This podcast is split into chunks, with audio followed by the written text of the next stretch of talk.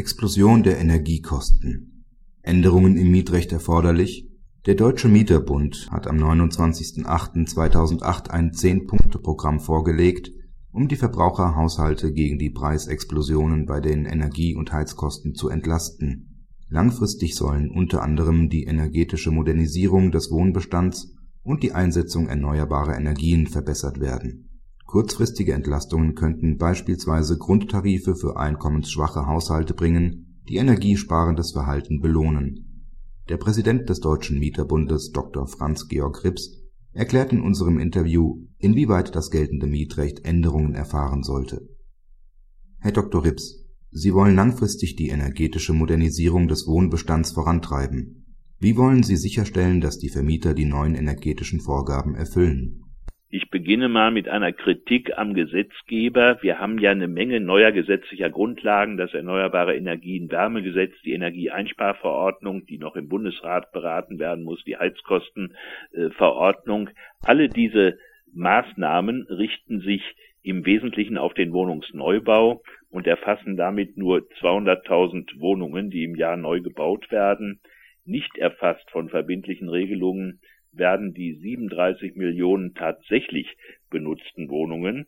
Und wenn man erfolgreich sein will, sowohl was die Entlastung von Wohnkosten als auch was den Klimaschutz anbelangt, dann brauchen wir klarere ordnungspolitische Vorgaben für den Wohnungsbestand.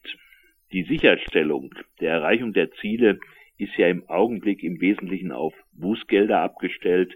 Davon halte ich nicht viel. Bußgelder sind ein stumpfes Schwert. Wir brauchen, glaube ich, auch zivilrechtliche Sanktionen, wenn die Vorgaben nicht erfüllt werden.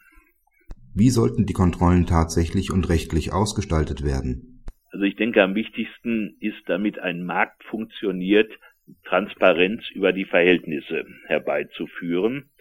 Ein Mieter oder ein Käufer in einer Immobilie muss wissen, worauf er sich einlässt. Deshalb ist es wichtig, dass wir wirklich aussagekräftige und belastbare Ausweise äh, von den Wohngebäuden bekommen und dass auf dieser Grundlage eine Vergleichbarkeit herbeigeführt wird. Das ist gewissermaßen das wichtigste Kontrollinstrument, dass der Verbraucher selbst entscheidet, welches Objekt wählt er aus und welches meidet er, weil es zu teuer ist. Welche Rechte muss der Mieter haben, wenn der Vermieter den neuen Vorgaben nicht nachkommt? Wir haben ja eine etwas ungewöhnliche Rechtssituation. Die Entscheidung darüber, ob energetische Verbesserungen herbeigeführt werden oder nicht, trifft allein der Vermieter und der Hauseigentümer.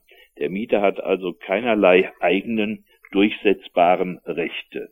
Auf der anderen Seite hat er natürlich sowohl als Bürger ein Interesse am Klimaschutz, aber auch als Mieter und Vertragspartner ein nachhaltiges Interesse an einem besseren energetischen Zustand.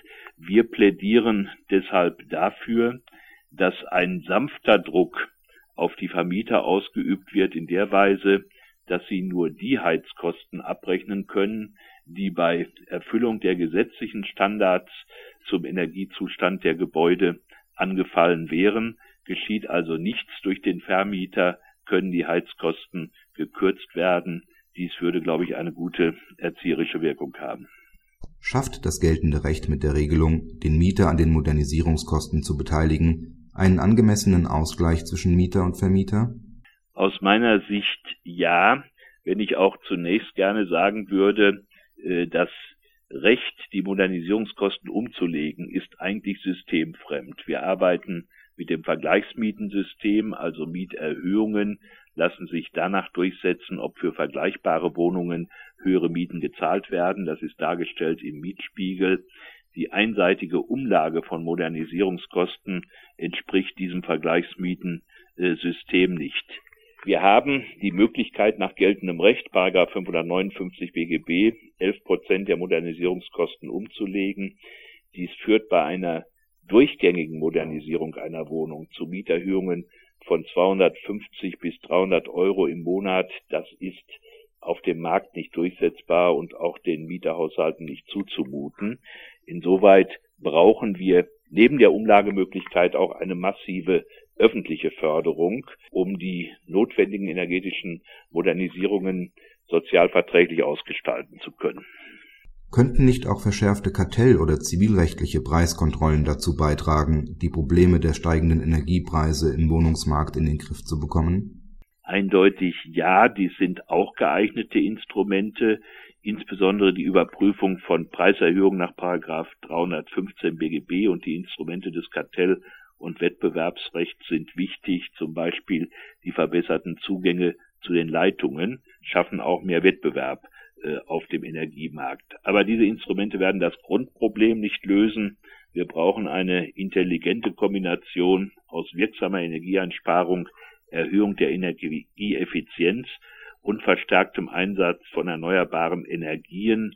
Das sind die drei wichtigsten Elemente. Flankiert werden können sie durchaus durch kartellrechtliche und wettbewerbsrechtliche Elemente. Vielen Dank für dieses Interview, Herr Dr. Rips.